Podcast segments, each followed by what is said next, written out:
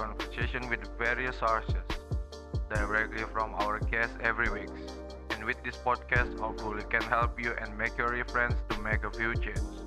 Welcome to Suaraga Talks. Happy listening, hopefully useful.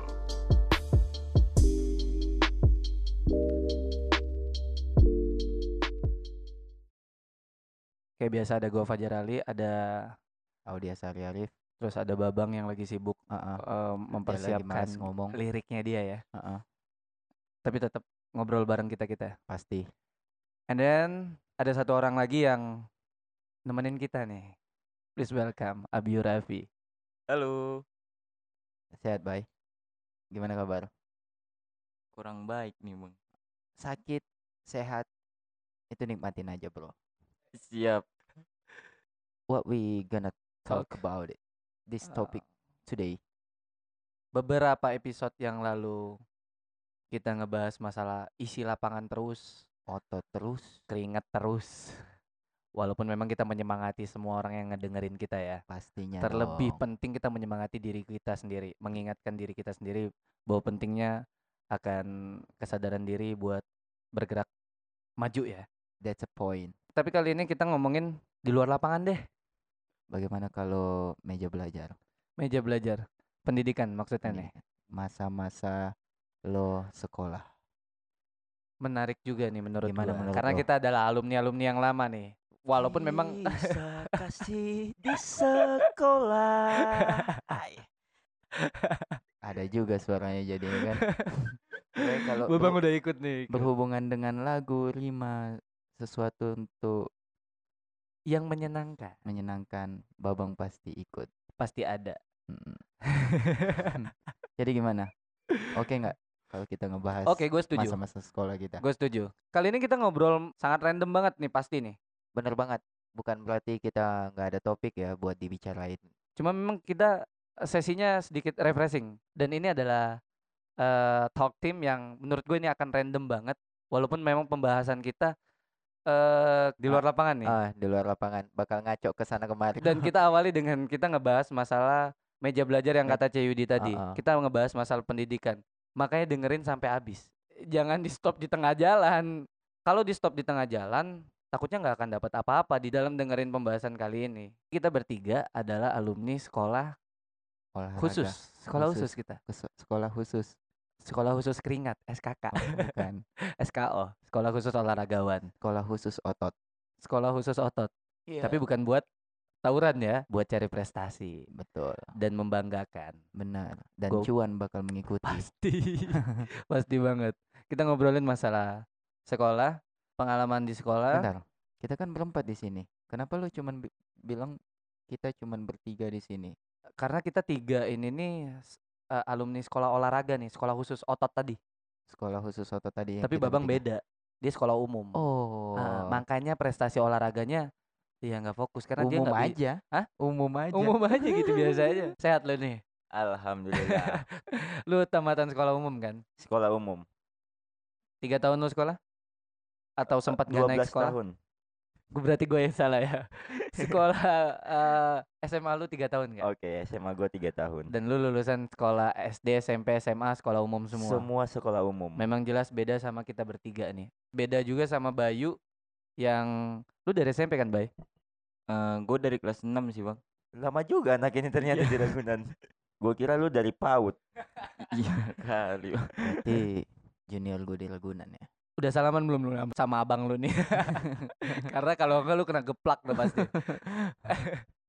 Tapi dia sekolah gue udah lulus ya. Lu masuk tahun berapa sih? Tahun 2012 sih. Wih. Du- 12 akhir. Abang tua banget sih, Bang. Tapi muka gue lebih muda dari lu ya. Gue enam tahun sekolah di sekolah khusus olahragawan. Ceyudi 6 tahun juga kan? 6 tahun. Terus eh buat Bayu tujuh 7 tahun. dong berarti dia kan. Iya. iya. Eh, setahunnya itu dia sekolah SD di luar umum sih. Tapi Cuman masuk di asrama udah. diklat Ragunannya ya di di asrama kan? di asrama. Bener, Bang. Gue setahun di SD di luar habis itu baru masuk Ragunan setahun dulu sih di luar Cuma pas SMP lu baru sekolah di Ragunannya gitu. iya gitu bener banget Iya, karena kan kalau SD itu kan belum ada di Ragunan. Cuman kalau masuk dari SD itu dialokasikan sekolah Sekolahnya di luar. sekolahnya di luar. Yoi, berarti Tapi tetap heeh. tinggal di asrama atau Mm-mm. enggak di rumah pelatih kayak gitu. Oh, cuma pembinaan dari Ragunannya lu dari dulu dari pertama lu masuk di SD itu lu udah dapet pembinaan-pembinaan juga nggak sih, Bay?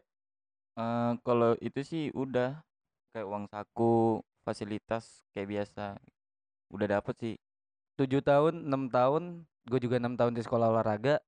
Gue paling sering ditanya sama orang awam perihal masalah eh pelajaran di sekolah kita di sekolah olahraga gitu loh. Jadi orang-orang tuh sering nanya, kamu sekolah di mana? Ya di sekolah olahraga, gue bilang kayak gitu kan. Terus belajar belajarnya gimana? Dibilang belajar kayak matematika kayak gitu ada nggak? Dibilang kayak gitu. Ya ada lah gue bilang karena kita juga kan belajar umum juga maksudnya kayak sekolah-sekolah umum yang lain juga cuman memang intensitasnya lebih rendah karena kita lebih banyak berkeringat daripada memutar otak Mungkin mereka mikirnya tuh pelatih kita tuh yang ngajarin kita belajar gitu. enggak sih karena memang kan beda-beda kan job Iya kan sih.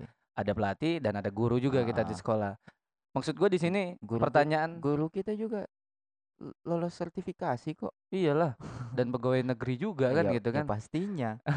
bukan gurunya Babang doang nih yang pegawai negeri kan guru kita justru lebih diperhatiin pemerintah dong karena menghadapi anak-anak yang berkebutuhan khusus pen- secara pendidikan karena intensitas latihan kita yang tinggi kita lebih susah buat dididik sebenarnya ya Sebenarnya bukan lebih susah dididik. lebih susah menerima pelajaran maksudnya gitu Ya, karena mungkin lo tahu kan eh, yang bikin kita males itu apa?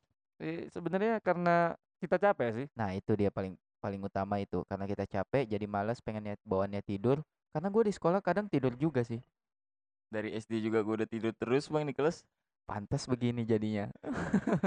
tapi gue nggak bodoh bang Nah, itu yang paling penting. Sekolah olahraga itu tidak semuanya atletnya cuman mengandalkan otot, tapi otak juga main.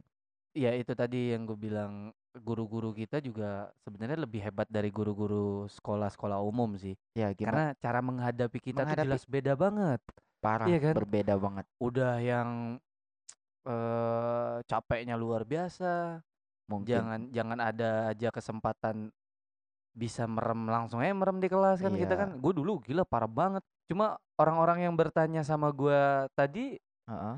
Kalian juga ngerasain nggak Kalau gue sih ngerasain. yang em, orang-orang tanya, awam "Ah, ah, nanyain ah, gimana pelajaran Sekolah kalian di gitu mana gitu kan? Ah, ah. Ra- SMP SMA Ragunan gue bilang. Oh, itu di sana tuh belajarnya sama kayak belajar umum gitu. Maksudnya ada juga, iya belajar kayak matematika ya. Oh, jadi ada juga ya. Iya, terus gue bilang aja. Iya, ada ya sama aja sih sebenarnya cuman ya memang eh, kita masuk setengah sembilan pulang setengah dua belas itu pun kadang habis istirahat baru masuk habis itu pulang. Palingan satu setengah jam gue belajar. Mungkin mereka pikirnya es- eh, sekolah kalian tuh kayak eh, zaman dulu kan ada tuh namanya SGO sekolah guru olahraga. Kayak mami sama papi. Dulu sekolahnya kayak gitu Ces. Mungkin mereka pikirnya yang kayak gitu. Jadi Ah, eh, belajarnya tuh bukan belajar eh, pelajar mata pelajaran pada umumnya di sekolah-sekolah biasa. Jadi mereka pikirnya ya mata pelajarannya belajar macam-macam olahraga lah pokoknya. Beda sama gua. Kalau gua sih ya anak SMA pada umumnya. Kalau gue sih SD ya normal sih bang, karena gue di SD umum juga kan. Tapi pertanyaan itu yang paling sering gue dapet saat gue di SMP Ragunan gitu.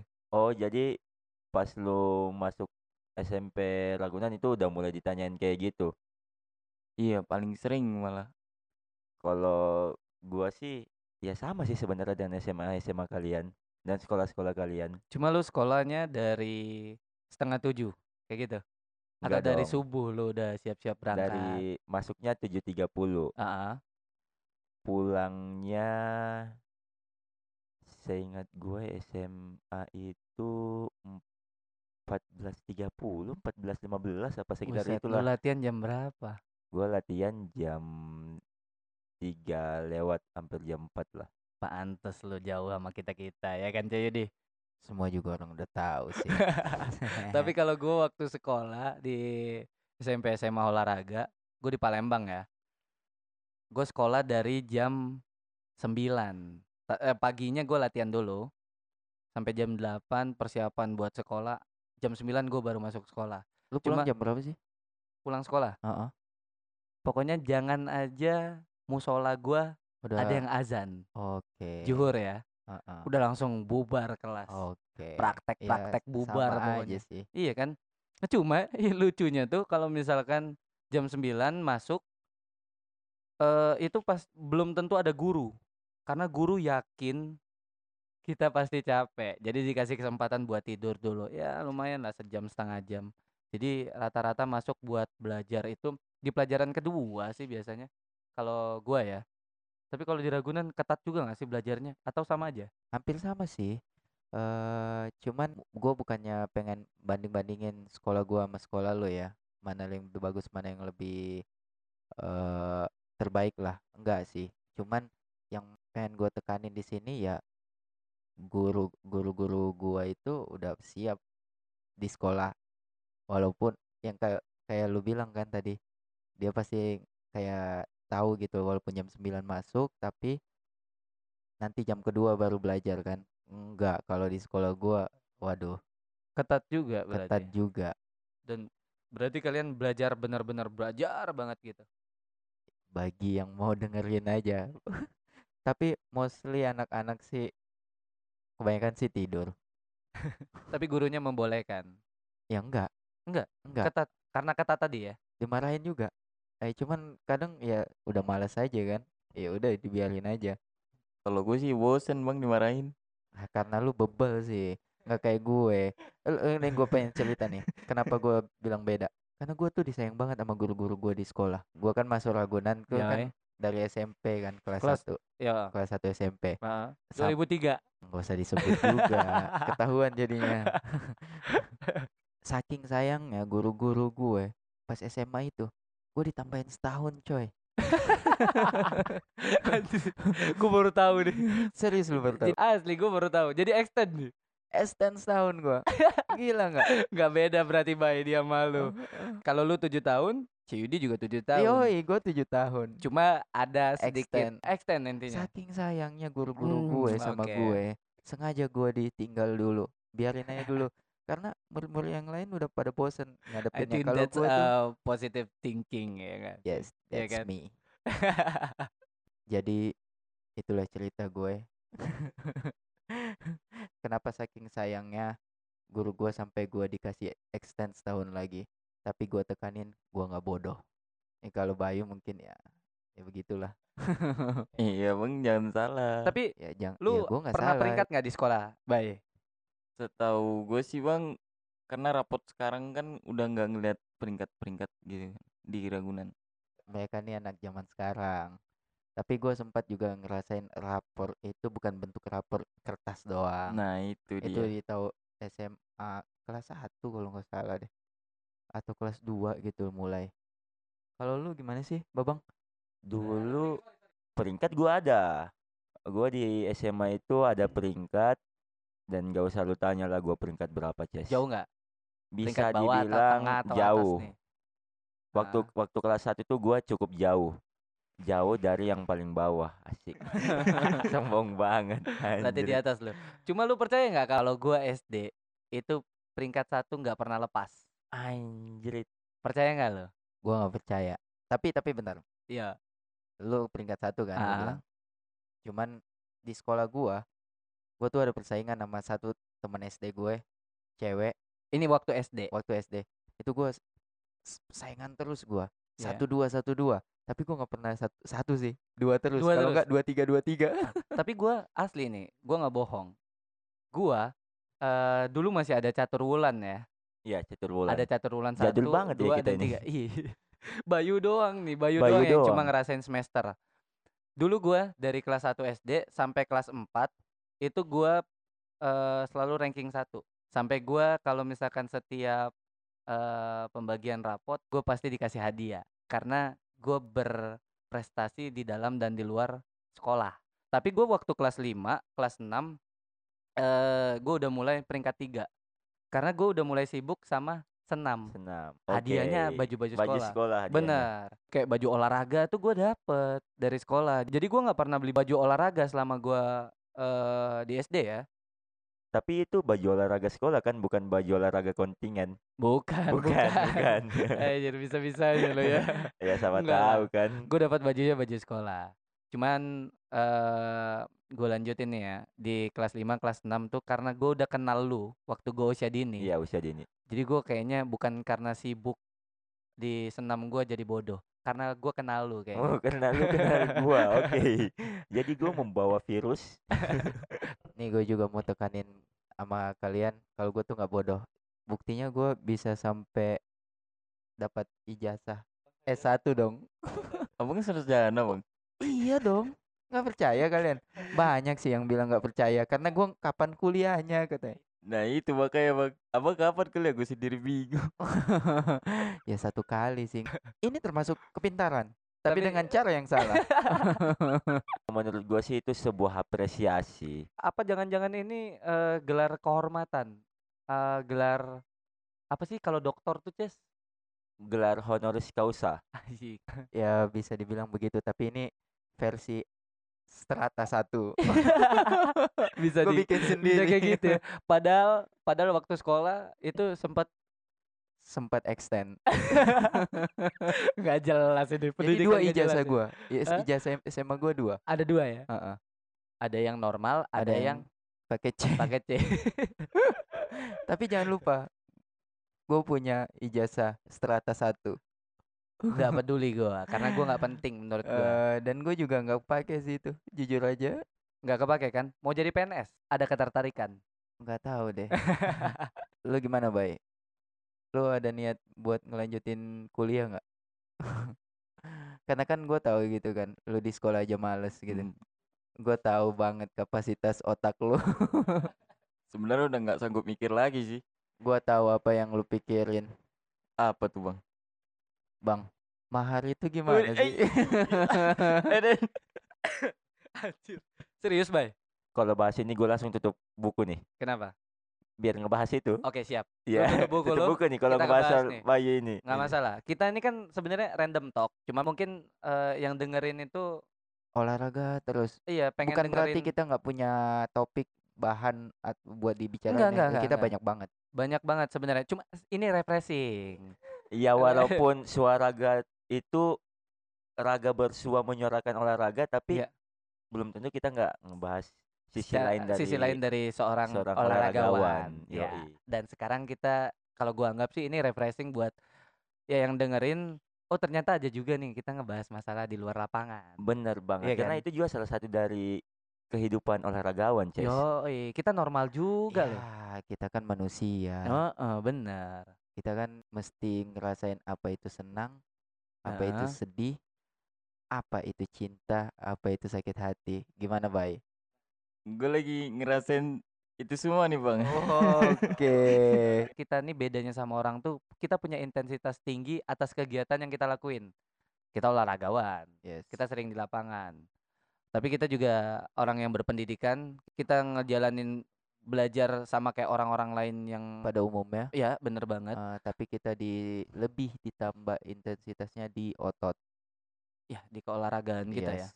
Karena memang itu adalah menurut gua olahraga yang gue jalanin, aktivitas itu sebagai atlet itu bukan cuma sekedar hobi aja ya.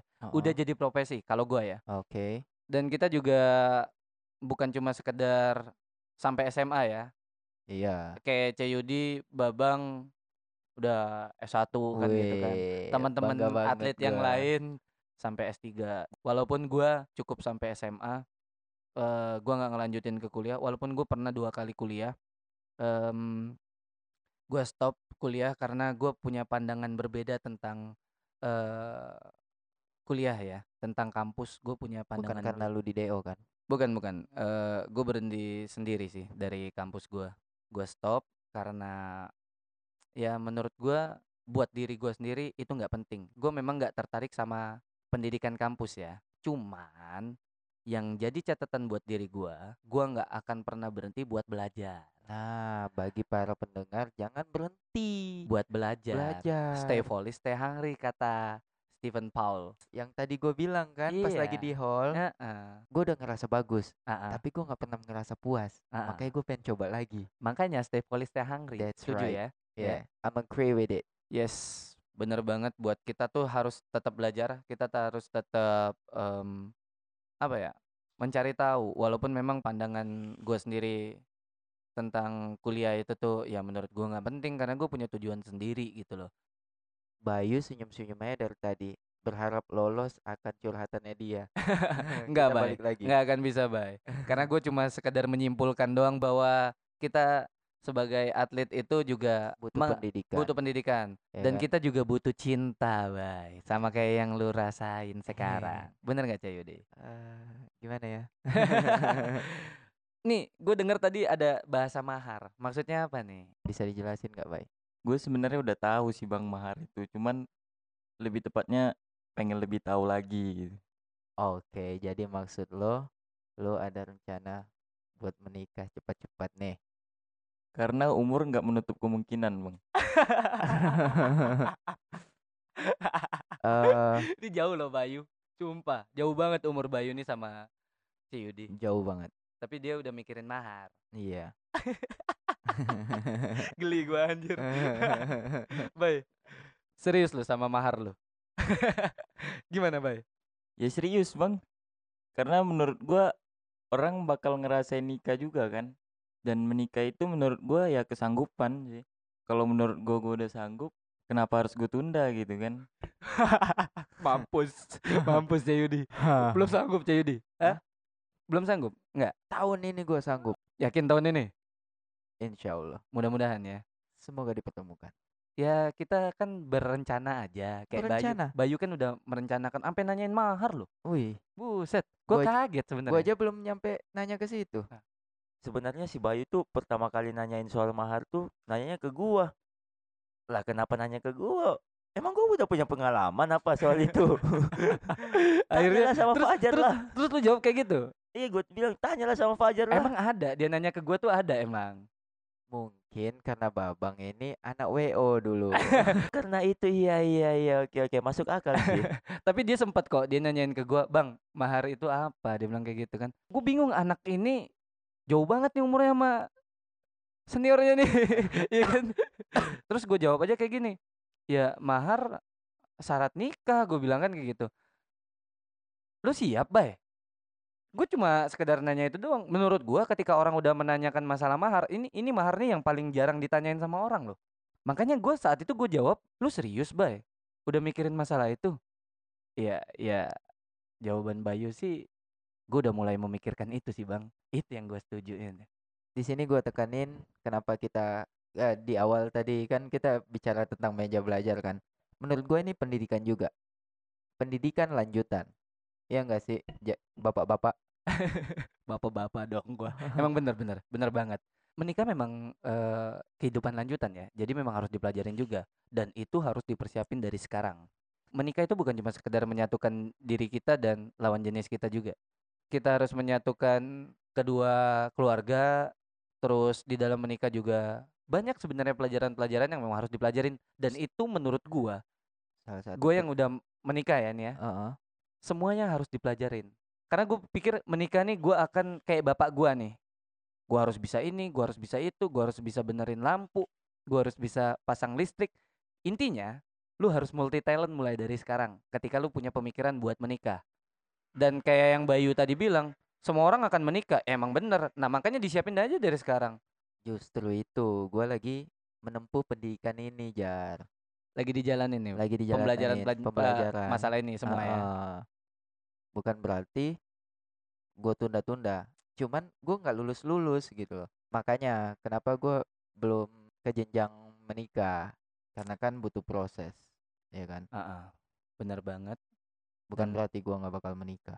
sama siapa ceh Nggak tahu. jangan dipikirkan Jangan dipikirin. itu yang gue bilang juga sama Bayu Ah, gue sempet nanya lu sama siapa bay Eh ya ya jawaban Bayu nih agak agak pelan ya, agak- agak-agak pelan ya. agak pelan menutupi atau Nggak tahu gue bingung. Yang jelas dia waktu itu jawabnya pelan. Ya ya lihat nanti deh bang, dibilang kayak gitu. Terus gue bilang masalah jodoh sama siapa lu mau nikah jangan dipikirin. Tugas lu sekarang adalah lu perbaiki diri lu, lu siapin semuanya termasuk yang mahar lu tanyain nama gua tadi sampai akhirnya nanti lu udah siap dan ya ijab kabul aja tinggal. Itu sih yang gue jawab waktu itu sama si Bayu. gue sempet nanyain masalah mahar ke babang sama bang Fajar karena gue ngerasa ya gue siap gitu apa yang gue tunda sih target lu kapan sih, Bay? Dan kalau memang lu lu udah siap, jangan lu tunda deh. Serius. Karena yang kayak begitu jangan ditunda-tunda. Karena gua bukan berarti gua ngerasa dikalahin sama lu te- tentang masalah ini, lu udah duluan tanya kayak tentang kayak gitu ya. gue setuju bang karena menurut gue menikah itu bukan ajang lomba-lomba sebenarnya Bener banget. Eh, gua pasti dukung lo. walaupun dari tadi gua nggak terlalu banyak ngomong ya tapi dari hasil obrolan random kita gue bisa nyimpulin Ces kalau olahragawan itu sama seperti kalian-kalian semua ya kalau gue bilang normal kita jadinya kayak abnormal gitu bukan kafe tapi ya Anak ini mengantuk, biar gua aja yang simpulin. Jadi eh kita ini ya beda lah sama orang pada normalnya gitu kan. Bisa dibilang kita spesial lah karena kita ngelakuin dua hal yang berbeda gitu kan dengan intensitas yang tinggi. Kita butuh nguras keringat dan otak gitu kan. Jadi menurut gua ya pendidikan itu penting buat kita olahragawan karena itu semua dasar dari apa yang bakal kita bawa nantinya ke kehidupan sosial kita. eh karena pendidikan itu bukan dari sekolah aja yang bisa kita dapetin kan. Bisa kita dapat dari lingkungan, eh dari ketemunya orang-orang baru gitu kan.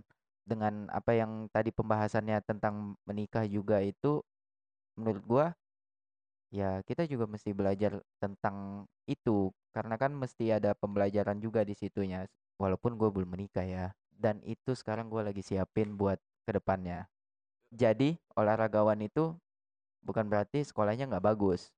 Karena banyak teman-teman gue yang yang jadi pilot jadi dokter. Padahal pas pas di sekolah itu kerjaannya tidur. Latihan juga intensitasnya tinggi. Eh pas lulus SMA ada yang jadi dokter jadi tentara. Ya yang gue tahu mereka juga tetap belajar gitu loh. Bukan latihan aja makanya pendidikan itu ya penting lah buat kita semua.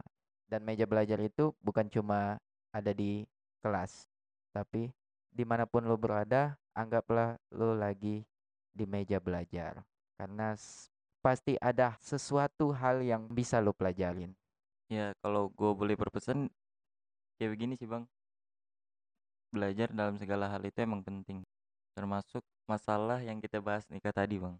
Cuman kalau kita udah ngerasa siap kenapa harus ditunda lagi menurut gua ya menikah itu adalah ibadah jadi yang namanya ibadah pahala ya kenapa harus ditunda-tunda gitu Bener banget, Bay. Dan di sini gue dapat pembelajaran lagi nih dari orang yang lebih muda dari gue. Itu juga tuh. Jadi belajar itu bukan cuma harus sama orang yang lebih tua dari kita juga, Heeh. enggak. Dari- Atau dengan eh, makhluk hidup doang, enggak. Kita juga bisa belajar dari segala objek menurut gua. Termasuk juga kita belajar dengan kondisi, situasi, terus eh, belajar sama orang yang lebih muda dari kita juga menurut gua kalau memang ada sesuatu yang bisa kita pelajarin, ya jangan malu aja sih buat dipelajarin menurut gua gitu. Ya jangan pelajarin aja gengsi, dulu. jangan gengsi. Pelajarin, aja dulu. Ah, ya ah, kan? Bener banget. Ya intinya jangan pernah capek buat belajar sih. Jangan malas buat belajar sesuatu hal yang baru dalam kutipan positif. Dan gue berharap kalian belajar sesuatu hal yang baru itu yang bermanfaat buat diri kalian. Dan Fajar ngutip dari Stephen Paul Jobs, stay foolish, stay hungry. coba lu lakuin itu dulu deh. Pasti lu nanti ngerasain sesuatu yang berbeda dari diri, diri lu. Lu bakal ngerasa ada sesuatu hal yang baru dalam diri lu. Entah itu lu ngerasain sendiri atau orang yang bakal ngasih tahu lo. Secara langsung maupun gak langsung ya maksudnya. ya. Iya kayak gitu. Nah. Stay foolish, stay hungry. Aha, Cobain dulu, aha. mulai menanamkan rasa eh tetap belajar, tetaplah ngerasa lapar, Yes. tetaplah ngerasa bodoh, aha. sehingga lu akan tetap berusaha buat mencari dan belajar. Gue Fajar Ali. Gue Abi Raffi. Gua Audia Sari Arif dan gua wakilin Babang sebagai saudaranya. Gua Babang. This is Suara Talks. Bye.